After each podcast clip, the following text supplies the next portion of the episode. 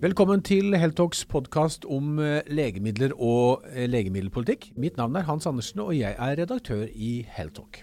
Og mitt navn er Lars Bjørk Nilsen, og jeg er journalist i Healthtalk. Og dette er det vi skal snakke om i denne episoden. Ja, Da utvalgsleder Gunnar Bovim, eh, tidligere lege og sykehusdirektør, la fram over 300 siders lange rapporten Helsepersonellkommisjonen i forrige uke, så sa han jeg skal sitere Vi har fortsatt tid å gjøre grep som vil sikre at vi også i fremtiden vil ha et godt helsevesen. Gjør vi endringer nå, kan vi endre oss ut fra et mulighetsbilde og ikke et trusselbilde om noen år. Men eh, kommer politikerne til å ta grep? Det skal vi snakke om litt seinere. Denne uka har Healthtalk gjennom flere artikler sett nærmere på sykdommen kols og medikamentelle kolsbehandlinger. Eh, kols eh, står for kronisk obstruktiv lungesykdom, og det er en folkesykdom som eh, rammer rundt 150 000 mennesker i Norge. Mange vet ikke engang at de er syke, Hans. Um, det er også den tredje ledende dødsårsaken, både i Norge og på verdensbasis. Uh, og personer med kols dør oftest av ledsagende hjerte- og karsykdommer eller infeksjoner. Uh, vi har sett nærmere på sykdommene og behandlingene, og kommer nærmere inn på det i dag. Det blir spennende. Og vi skal uh, se på et annet legemiddelskap, for uh, Novo Nordisk har lagt fram uh, årsregnskapet som slår alle forventninger. Det blir veldig spennende å se nærmere på det. til slutt skal vi snakke litt om medisinbytte i apotek. Og at et lite knippe legemidler står for en høy reservasjonsgrad, altså at legene ikke vil at pasientene skal bytte dette legemiddelet. Eh, og Legemiddelverket har jo gått ut og sagt at uh, dette kunne spart uh, folketrygden for rundt 60 millioner kroner i året dersom legene hadde vært flinkere til å bytte til de generiske kopimedisinene, utgavene, av disse legemidlene vi skal komme nærmere inn på. Så dette skal vi også snakke mer om. Uh, men først Hans, uh, må vi gå da inn på denne helsepersonellkommisjonrapporten. Mm. Uh, som du sa, utvalgsleder Gunnar Bobim la jo fram denne rapporten torsdag. og da var ett budskap helt klart. Eh, Fremover må det bli færre helseansatte per mm. pasient. Uh, men hvordan skal vi klare det, når Norge allerede er på europatoppen i antall leger og sykepleiere? Uh, fort, fortell litt om ja. det, Hans. Ja, Det er et eh, veldig godt spørsmål. Det tror jeg også helseministeren og regjeringen nå sitter faktisk og, og lurer på.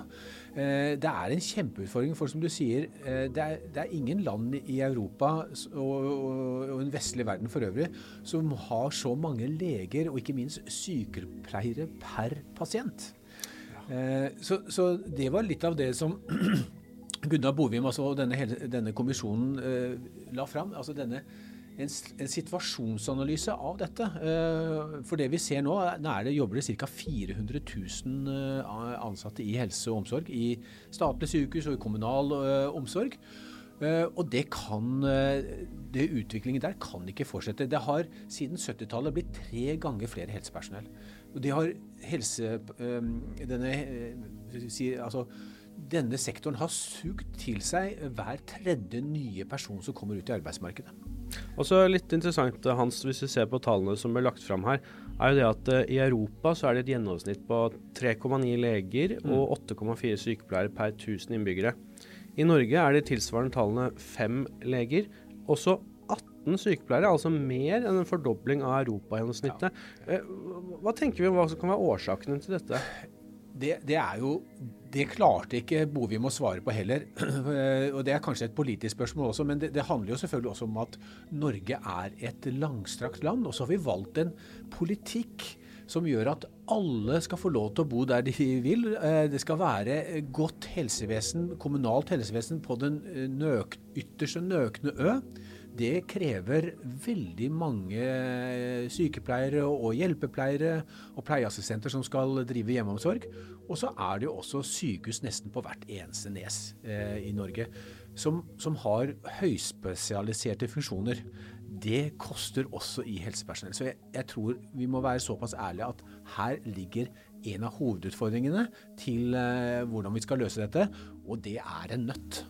Og, og, dette har man vel vært litt innpå nå i kommisjonsarbeidet, og sett litt på dette med kanskje behov for sentralisering og litt sånn større ja.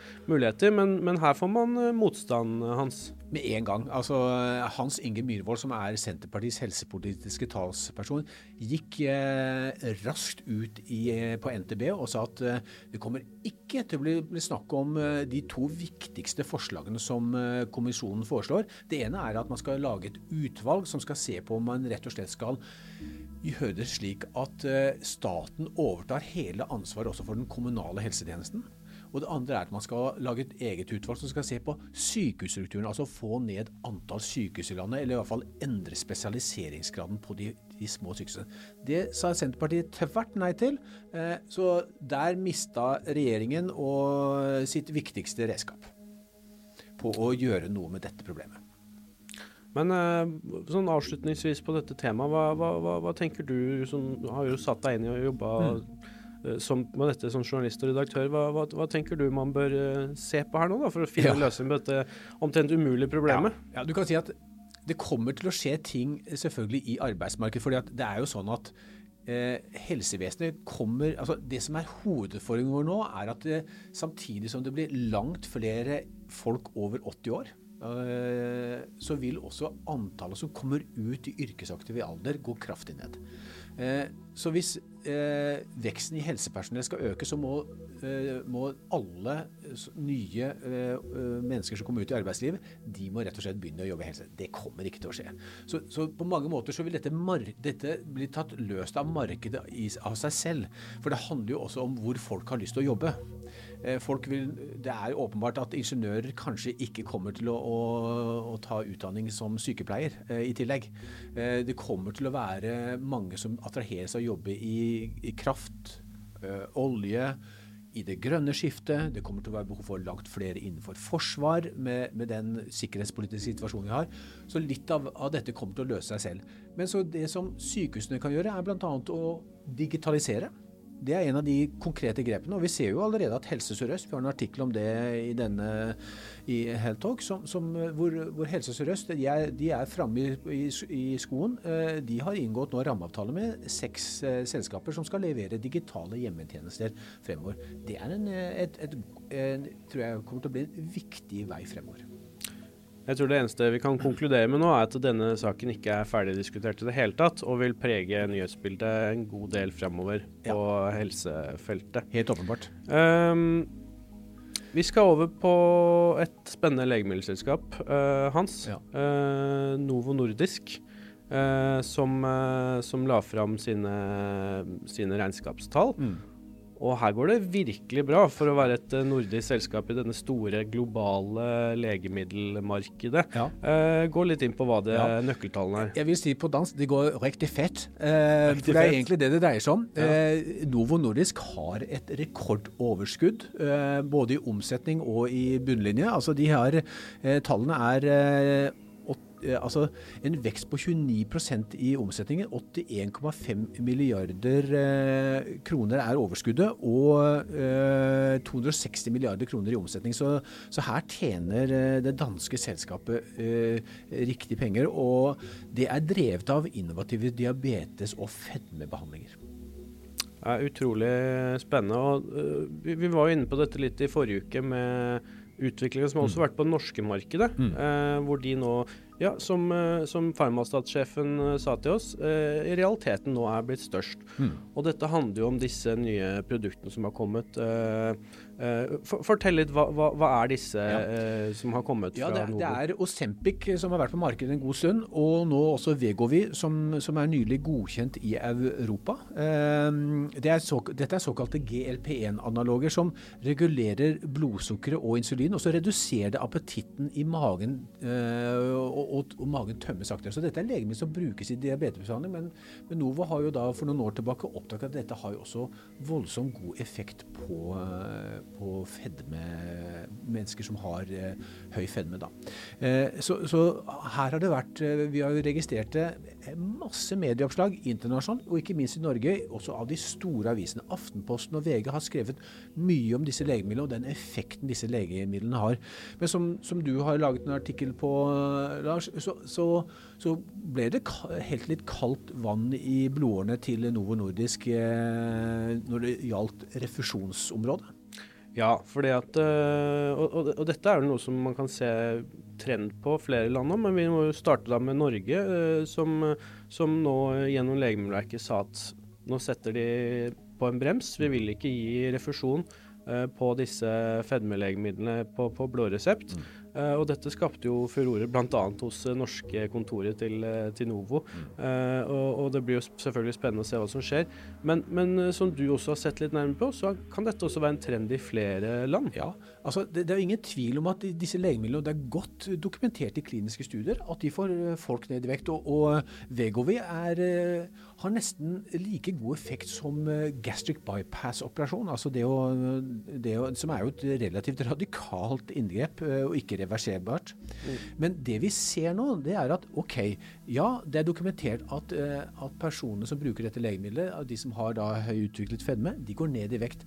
Men hvilke konsekvenser har det for de harde endepunktene? Altså sånn eh, kardiovaskulære sykdommer og kardiovaskulær død og andre ja, alvorlige helsetilstander. Og det er der det er mangler nå, sier du? Det er der mangler, og det er det som til syvende og sist gjør at eh, helsesystemene, både de da helsesystemene i Europa som, hvor dette betales av, eh, av staten, og i USA, hvor, som, hvor dette betales av uh, forsikringsselskaper, nå begynner det å bli litt varsomme og, og prøver, som du også sa, trekker tilbake uh, refusjonsmulighetene i påvente av de harde endepunktene.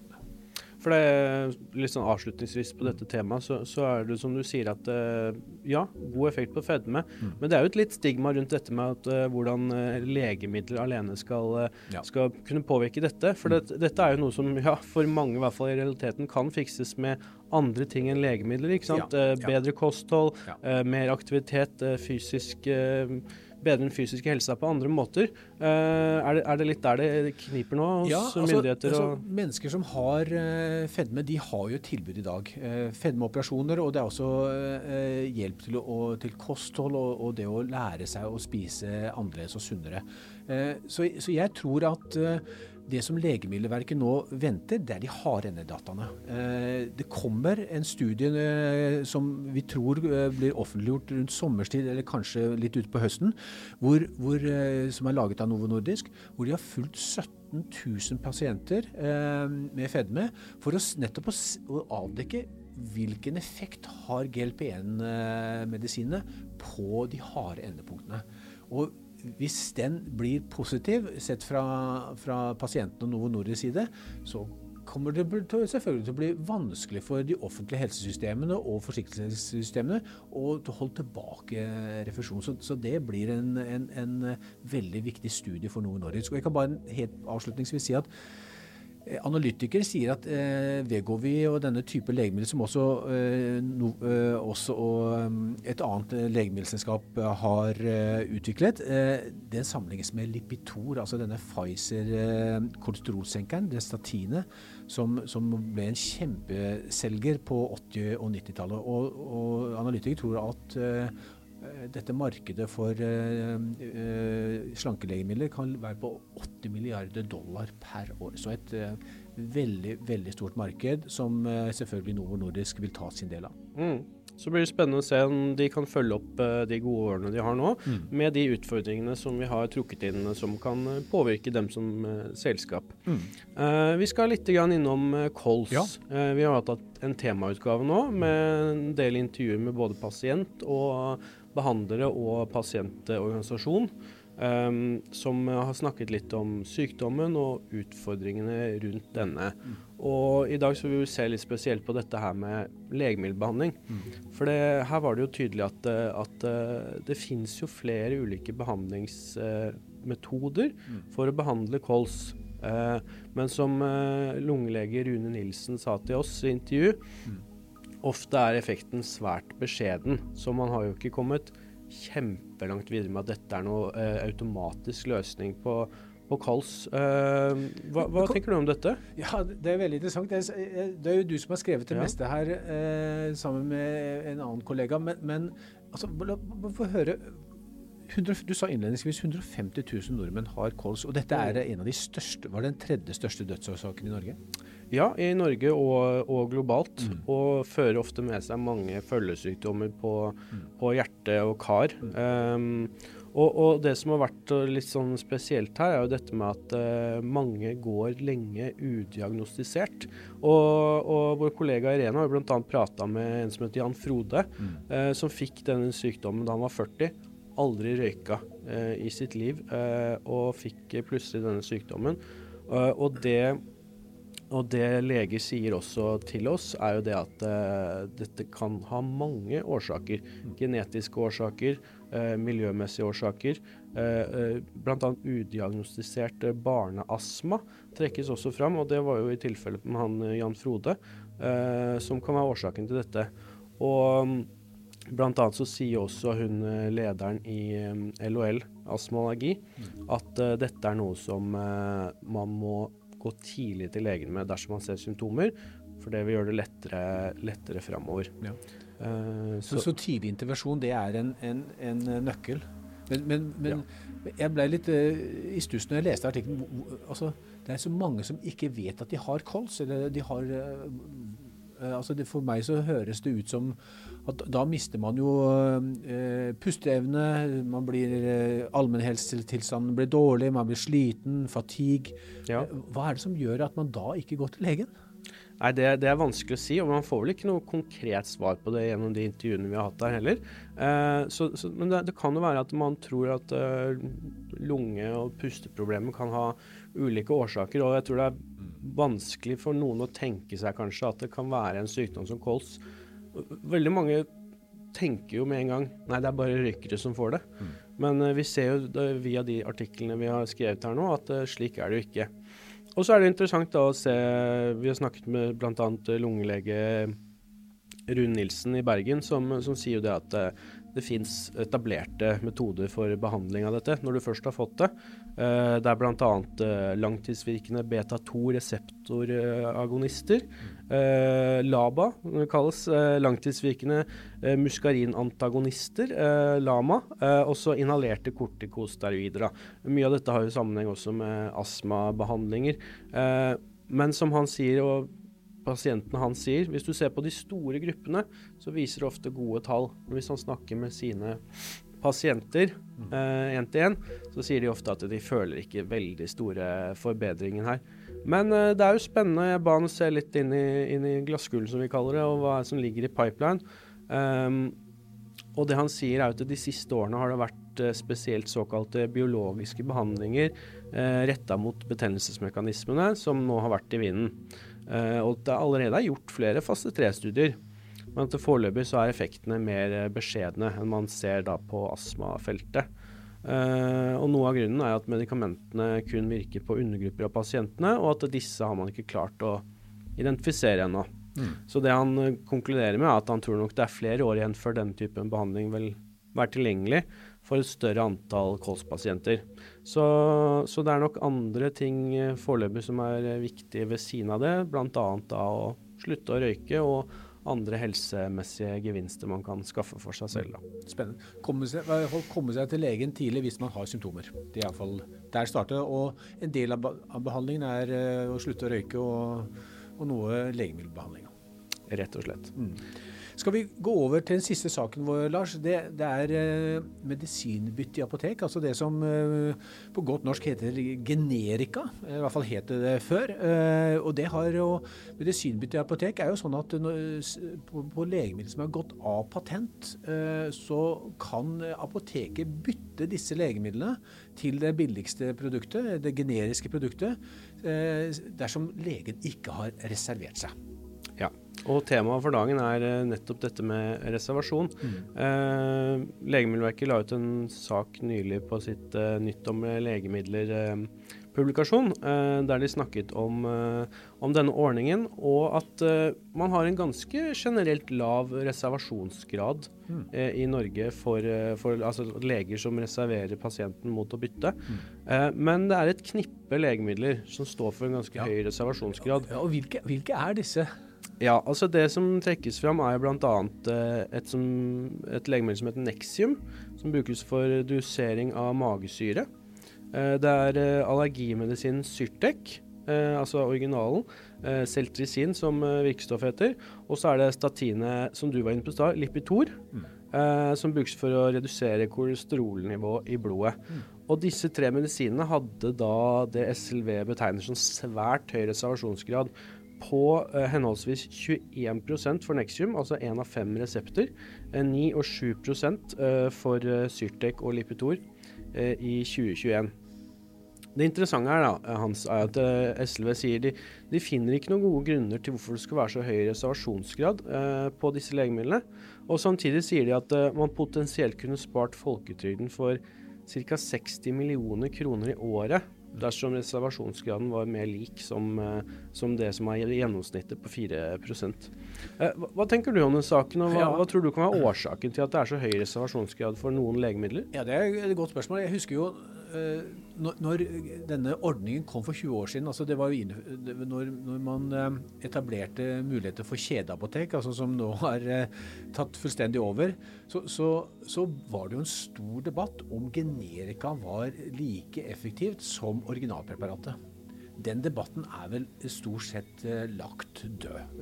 Iallfall hvis man ser, på, på, ser bort fra, fra biologiske, biosimilære legemidler.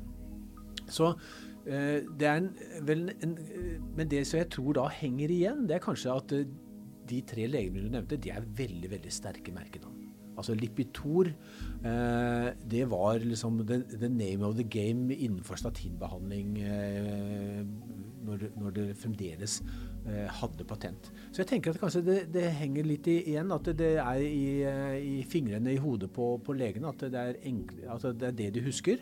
Eh, og så går det kjapt å, å skrive ut. Mm. Så jeg, jeg, jeg, tror ikke det er vond vilje på noen som helst måte. Det er rett og slett at uh, det, er en, et, det er sånn, sånn, det er blitt etablert. Mm. Og nå har jo Legemiddelverket tatt og gjort noen tiltak, bl.a. å konkretisere det som er vilkårene for å kunne søke Eh, reservasjon eh, mot, eh, mot bytte. Tidligere har de bare sagt til legene det skal være tungtveiende medisinske grunner. Nå har de konkretisert dette i fire punkter. Du kan bl.a. lese det inn på vår sak, som, som, skal gjøre det tydeligere for legene hva som, hva som kreves for å kunne søke det. For det, de sier at dette er jo snakk om normale tablettbehandlinger som, hvor hvor det ikke skal være noe i hjelpestoffene som skal forårsake noe større allergiske reaksjoner. Og det trengs jo ikke noe administrasjonsutstyr som uh, må læres og som er forskjellig her. Så, så, dette har vel bare rett og slett med hva, hva legene må sette seg inn i, hva de kan, uh, hva de kan gjøre. Spennende. Det som er helt klart, er at uh, den generikaordningen, denne bytteordningen, har jo vært veldig veldig gullkanta for apotekkjedene.